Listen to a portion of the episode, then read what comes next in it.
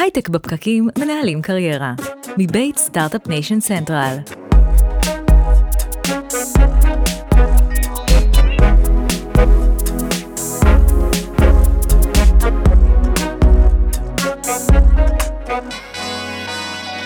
ברוכים הבאים להייטק בפקקים, מנהלים קריירה מבית Start-Up Nation Central, שאלות גדולות על קריירה, עליהן אנחנו מנסים לענות כמה שיותר בקצרה.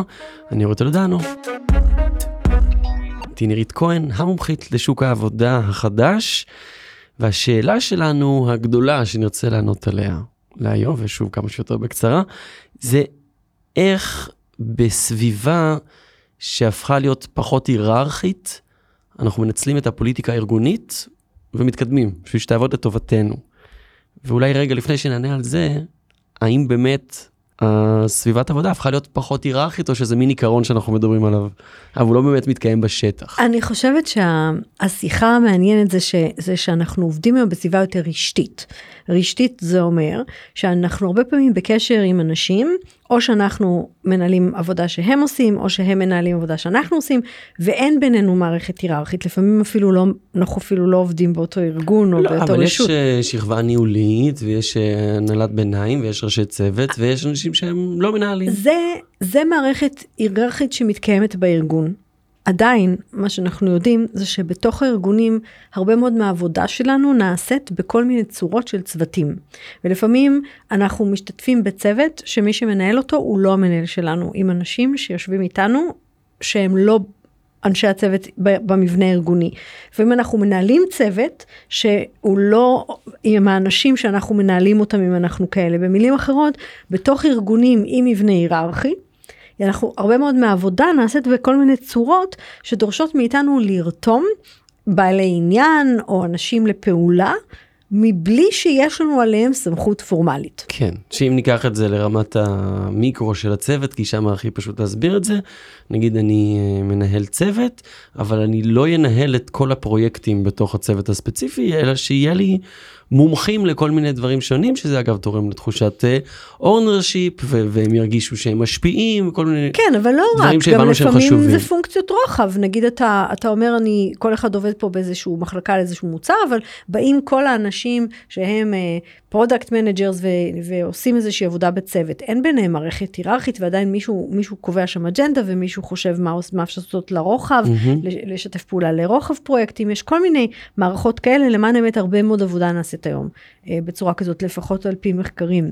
ולכן בעצם, אה, כאילו חלק מהסיפור זה שאת, שפוליטיקה ארגונית, היא קיבלה שם רע. לא, זה, זה פוליטיקה וארגון, זה שתי, שתי, שם, שתי, מילים בסדר, שהן יפה, אבל, רעות. אבל, אבל רגע, אני רוצה לשנות רגע, אה, לעשות לזה טוויסט ולהגיד בסך הכל פוליטיקה ארגונית זאת בין השאר האומנות של לייצר השפעה ורתימה. ש, שהם לא במתכונת הרגילה של אני מנהלת שלך ולכן אני אגיד לך מה לעשות או נכון. משהו בסגנון הזה. זה די כבר אה, יפה. לא קול. עכשיו אם אנחנו מבינים את זה, אנחנו מבינים שהיא הכרחית. זאת אומרת, כמות הפעמים, למען האמת, אם חוזרים רגע למחקרים, הרבה יותר חשוב היום בגלל קצב התיישנות הידע, ממה שאתה יודע, את היכולת שלך לדעת מי יודע את מה שצריך לדעת ולרתום אותו. אבל זה הרבה פעמים דווקא התפקידים הניהוליים יותר. להסתכל בראייה טיפה יותר רוחבית על החברה ואיפה הצוות שלי בתוך המארג של הצוותים, והאם זה לא התפקיד החדש של מנהל בתוך הדבר אני, הזה? אני אומרת, עזוב רגע, אנחנו מדברים עכשיו על, עלינו, על הקריירה שלנו, על היכולת שלי להצליח, על היכולת שלי להתקדם. היכולת שלך להתקדם, היא לא נובעת ממה שאתה יודע או ממה שעשית, היא נובעת ממה שאחרים חושבים על מה שאתה יודע או מה שהם חושבים שאתה כן, עשית. ולכן כל אחד צריך להקים אה, מערך יח"צ פנימי. אבל ש- זהו, לא, אז אני לא אוהבת את זה, כי עכשיו כן. לקחנו, קודם כל תחשוב על מה שאמרתי רגע נקי, עובדתית, בסופו של דבר, נכון, זה היכולת שלך. להתקדם, זה שמישהו יום אחד יגיד, "Hmm, אורי ממש טוב בדבר הזה שאני רוצה, בוא נשים אותו עכשיו בתפקיד יותר מעניין, יותר גדול, יותר משפיע, בסדר? או, או אפילו לא רק להתקדם, אלא פשוט לעשות דברים שיותר מעניינים אותך. זה תמיד יושב באיך מה שאתה עשית ואיך אתה מתנהל, פוגש את מה שאנשים חושבים עליך. פוליטיקה ארגונית מלוכלכת, זה לעשות מניפולציות. נכון. נגיד, זה, זה יושב לנו בראש, האנשים שלא עושים כלום, אבל כל הזמן מנהלים מ- כלפי מעלה, נכון? כן. פוליטיקה ארגונית נכונה, או אם נדבר בשפה של לפני רגע, שבאמת היכולת אה, לייצר השפעה ורתימה, אגב, זה גם פוליטיקה ארגונית נכונה. אם אני מצליח אה, להסוות את, ה... את זה שאני לא עושה כלום, לא, וכלפי החוץ נראה שאני עושה אז משהו, אני לא ניצחתי. חושבת, אני לא חושבת, כי אני, אני באמת חושבת ש, שבסופו של דבר, ה, אם, אתה, אם זה מה שאתה עושה, מישהו מגלה. זאת אומרת, מגיע היום, קשה שבו- להתקדם ככה. אה, זה קשה לה- להחזיק את זה הרבה זמן. אתה כן. יכול לשכנע מישהו, להשפיע על מישהו, לצאת מאיזה ישיבה ולספר איזה סיפור, לקחת רעיון של מישהו אחר ולמכור אותו.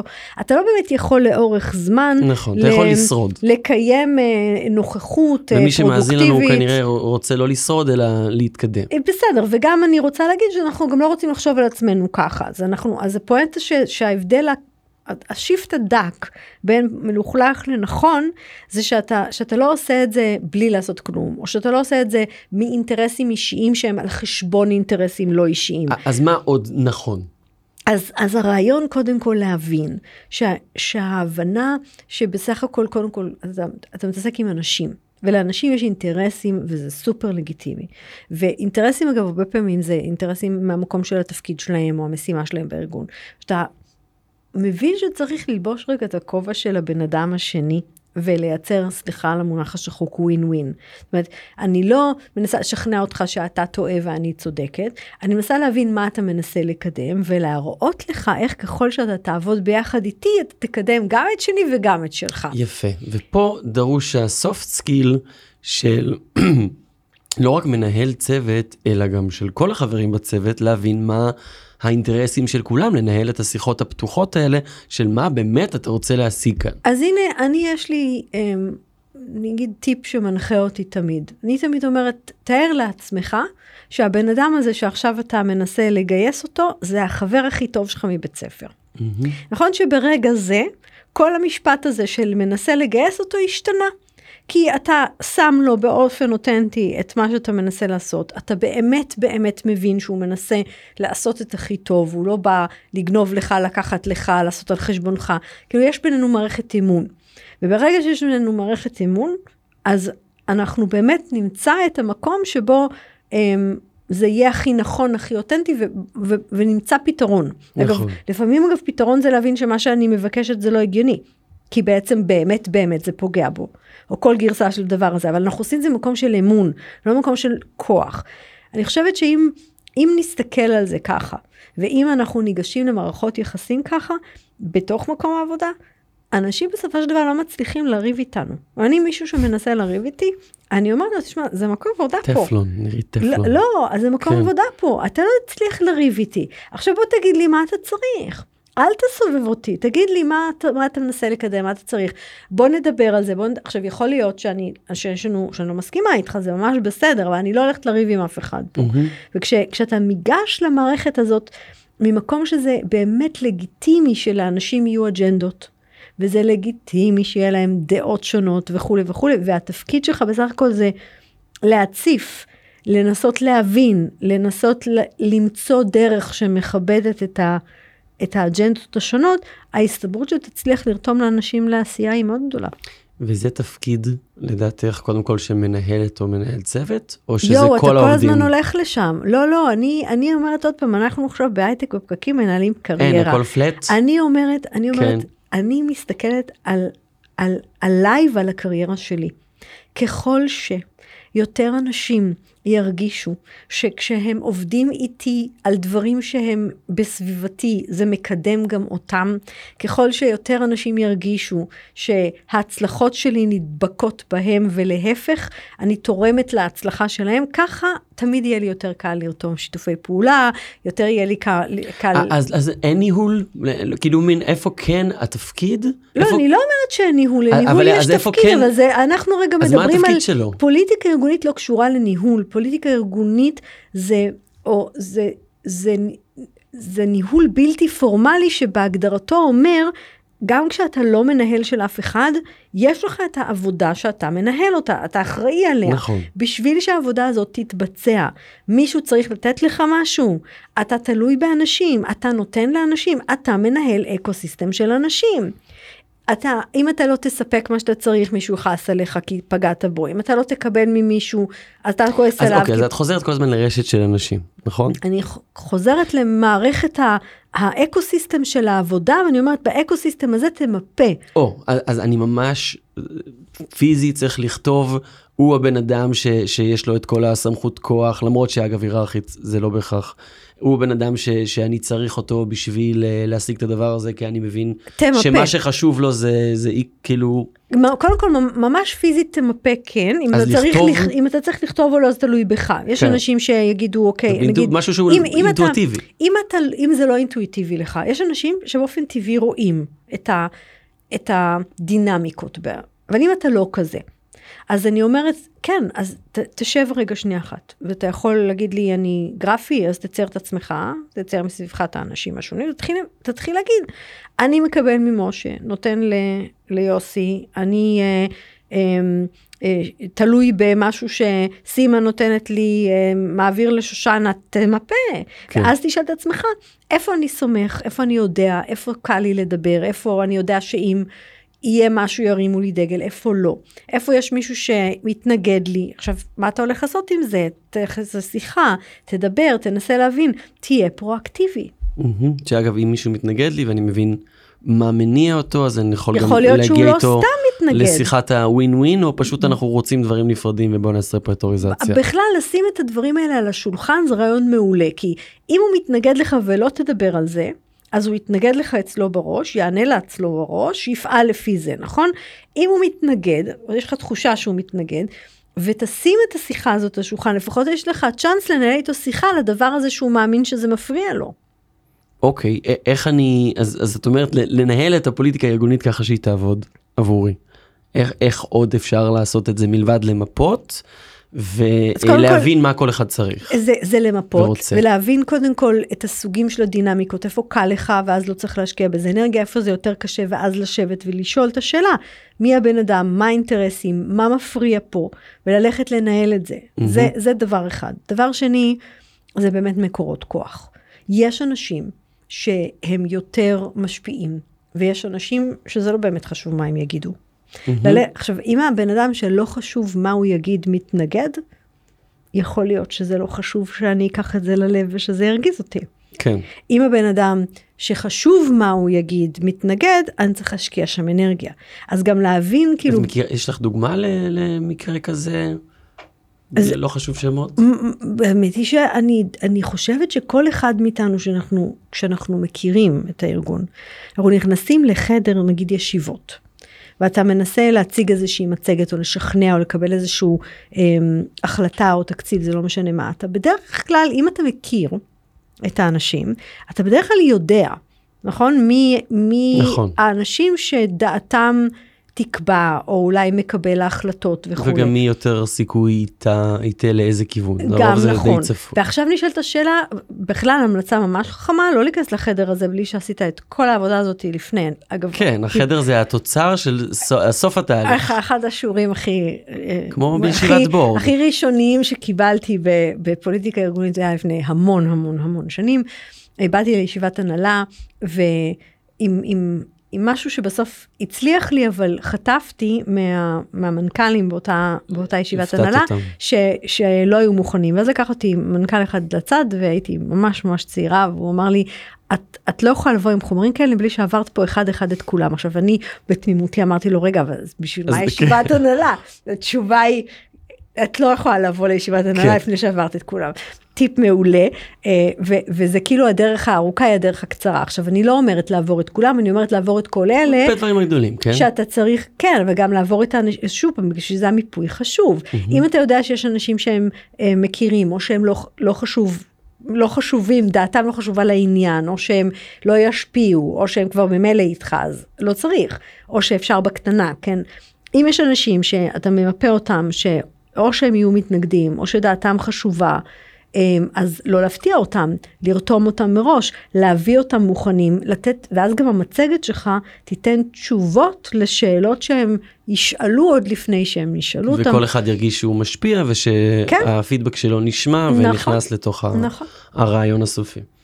אמ, אוקיי, עוד איזה שהם טיפים? אז היה לנו אמ, מיפוי, היה לנו הבנה צרכים של כל אחד, היה לנו איך לגרום לרשת הזאת לעבוד בשבילנו וגם לא להפתיע אף אחד. נכון. מה? אני חושבת שאחד הדברים אולי הכי קשים לעיכול בעולמות האלה, אמ, זה להבין שיש גם תמיד דינמיקות שאנחנו עיוורים לגביהם. והדרך היחידה לזהות אותם ו... ולשים לב שזה לא יפתיע אותנו, זה כן לוודא שאנחנו בשוטף הם מקבלים פרספקטיבות על, ה, על, ה, על, על העבודה שלנו, על החיים של הקריירה שלנו, מאנשים שאנחנו לא פוגשים יום-יום. זאת אני מדברת על זה הרבה בעולמות של רשת, ש, שיכולה להיות מונח לא פופולרי אצל רבים, אבל הקונספט הזה שאתה בא למשרד בבוקר, מדבר עם שבעה אנשים פחות או יותר, זה מה שאני mm-hmm. קוראת הרשת התפעולית, התכלס, אתה עובד איתם, שום דבר חדש לא תשמע מהשבעה אנשים שאתה מדבר איתם כל יום. כן. הם חיים איתך באותו עולם. בשביל לקבל פרספקטיבה על מה אתה לא יודע שאתה לא יודע, על דברים שמתבשלים, על, על אנשים שחושבים דברים או קשורים אליך, ש, שעוסקים במשהו שיפתיע אותך בהמשך, אתה צריך לפרוס רשת קצת יותר רחבה. אני קוראת לה אסטרטגית, ו, וגם פה אנחנו חוזרים למיפוי. זאת אומרת, אם אתה יושב ואתה עושה מיפוי ואתה מרים את הראש לאקו סיסטם שלך טיפה יותר רחב מהתכלס, אז אתה אומר, אוקיי, נגיד אם יש בצוות מישהו שהוא לא, לא איתך באותו צוות, אז גם המנהל שלו זה, זה, זה איזשהו בעל עניין רלוונטי. Mm-hmm. האם יש לו אג'נדה, או אם יש... אה, אה, אנשים שעובדים בכמה מקומות, אז גם לצורך העניין הפרויקט המתחרה שאתה לוקח לו ריסורסס עכשיו, או אם יש... אמ, שזה גם רלוונטי אה, לא רק בתוך חברות או חברות גדולות, שזה נשמע שאת מתארת, אלא גם עבור פרילנסרים. מוחלט, כן. להיפגש כל הזמן ולקבל את פרספקטיבות חדשות ולנסות להבין איפה אני לא... במיוחד, יודע אגב. שאני לא יודע. במיוחד, כי, כי בארגון הרבה פעמים, המערכת הניהולית ההיררכית מביאה לך הרבה פעמים את הפרספקטיבות שאתה לא מזהה באיזושהי צורה, אפילו בתהליכים כמו אה, הערכות עובדים, או, כן. או, או פידבק כזה או אחר. ב, לפרילנסר אתה לא, אתה לא מקבל את זה, אתה פשוט יום אחד מגלה שאין לך עבודה או כן. הפכת להיות לא רלוונטי. בדיוק. אז הצורך של פרילנסר לוודא שהוא כל הזמן מכיר את האקוסיסטם שלו, מבין מי, מי משחק בו, מבין מי נכנס, מי יוצא, איך הוא זז, איך אתה צריך לזוז כי יש דברים שכבר צפופים לך. היה לנו פרק שנקרא למה אף אחד לא מוכן לשתות איתך קפה. נכון. וזה כותרת פרובוקטיבית נראית. אמ, אז זה יופי של פרק גם לנסות להבין איך לייצר את הפגישות האלה. נכון. כי, אמ, עובד שרוצה להיפגש עם מישהו שהוא היררכית מעליו, ואין איזה אג'נדה יותר מדי ברורה לשיחה, זה יכול להיות קצת מוזר. נכון. אז קודם כל, אגב, כשאני אומרת לי לקבל פרספקטיבות מאנשים שאתה לא עובד איתם תכלס, זה לא, אפילו לא חייב להיות מעליך, לפעמים זה עמיתים שלך מצוותים אחרים, כן. לפעמים זה מובילי דעה או מומחים אה, בכל מיני תחומים טכנולוגיים ואחרים בארגון. לפעמים זה פונקציות מסוימות שתמיד יהיו בחדר כשידברו בו על כל מיני דברים כמו משאבי אנוש או, כספים, והאם אתה מבין מה קורה בעצם, והאם אתה מתעניין מעבר למה שמתחת לאף שלך. שזה גם פוליטיקה ארגונית, כי פוליטיקה ארגונית זה להבין לא רק את מה אני עושה, אלא איפה זה יושב בתוך התמונה היותר גדולה. איפה יש עוד החלטות שמתקיימות שעשויות להשפיע עליי. זה קצת נושא בפני עצמו, אבל הכל טוב ויפה שאנחנו עושים איזשהו סכר מכר בין הרצונות השונים של הדבר הכהוטי שנקרא רשת של אנשים, אבל יש, יש משימות או פרויקטים שאף אחד לא רוצה לקחת וצריך לקחת. איך, איך אני מנהל את הדבר הזה בתוך רשת שהיא... אם קיבלת אותה או אם אתה צריך לחלק אותה? צריך, נגיד שהבנתי ש... לא, האחד, כי קיבלתי אותה והבנתי שהיא חשובה, כן? לא, לא, בסדר, אבל יכול להיות ש... בוא נגיד ככה, אם אתה מנהל שמקבל את המשימות כן, ואתה צריך לחלק את זה, את זה להעביר את זה הלאה, כן. אז uh, דווקא על זה אני הרבה פעמים אומרת, יש שלושה דברים שאנחנו עושים והרביעי שאנחנו צריכים לעשות. אנחנו בדרך כלל עושים, אם, אם המשימה היא ברורה אצל, שייכת למישהו, זה קל, נכון? אנחנו מדברים על המשימות שלא ברור שייכות למישהו. ואז אנחנו אומרים, או מי פנוי באלנבי, נכון? או על מי אני הכי סומך, או איפה זה הכי דומה. כן. זה השלושה שאנחנו עושים. אני חושבת שצריך לעשות אחת אחרת לגמרי, שזה למי זה הכי מתאים. ופה אנחנו עוצרים ושואלים איזה יכולות וניסיון המשימה הזאת בונה, ומי צריך כאלה. ואם אם אני, אם זאת משימה למשל שדורשת איזושהי פעילות רוחבית, וגורמת לבן אדם פתאום אינטראקציה עם קבוצות אחרות. מהמם. אתה נותן את זה לבן אדם שכבר יש לו כזאת. אז סתם עכשיו נתת לו איזה עוד, עוד משהו שלא מעניין אותו, שפשוט כי דחפת את זה למישהו. כן.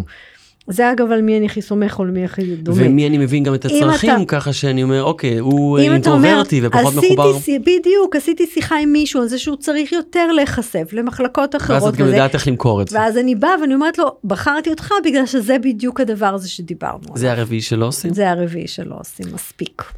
יפה, אז אני חושב שהצלחנו פחות או יותר להבין אה, איך, אה, איך אה, מעובד פשוט להפוך למנכ"ל ברגע שמנצלים את הפוליטיקה הארגונית. שאנחנו אה, בעידן לדעתי שניהול ניהול עצמי זה כמעט אחד מהמיומנויות הכי חשובות. כל אחד הוא מנכ"ל, כל בטח של הקריירה של עצמו. כן.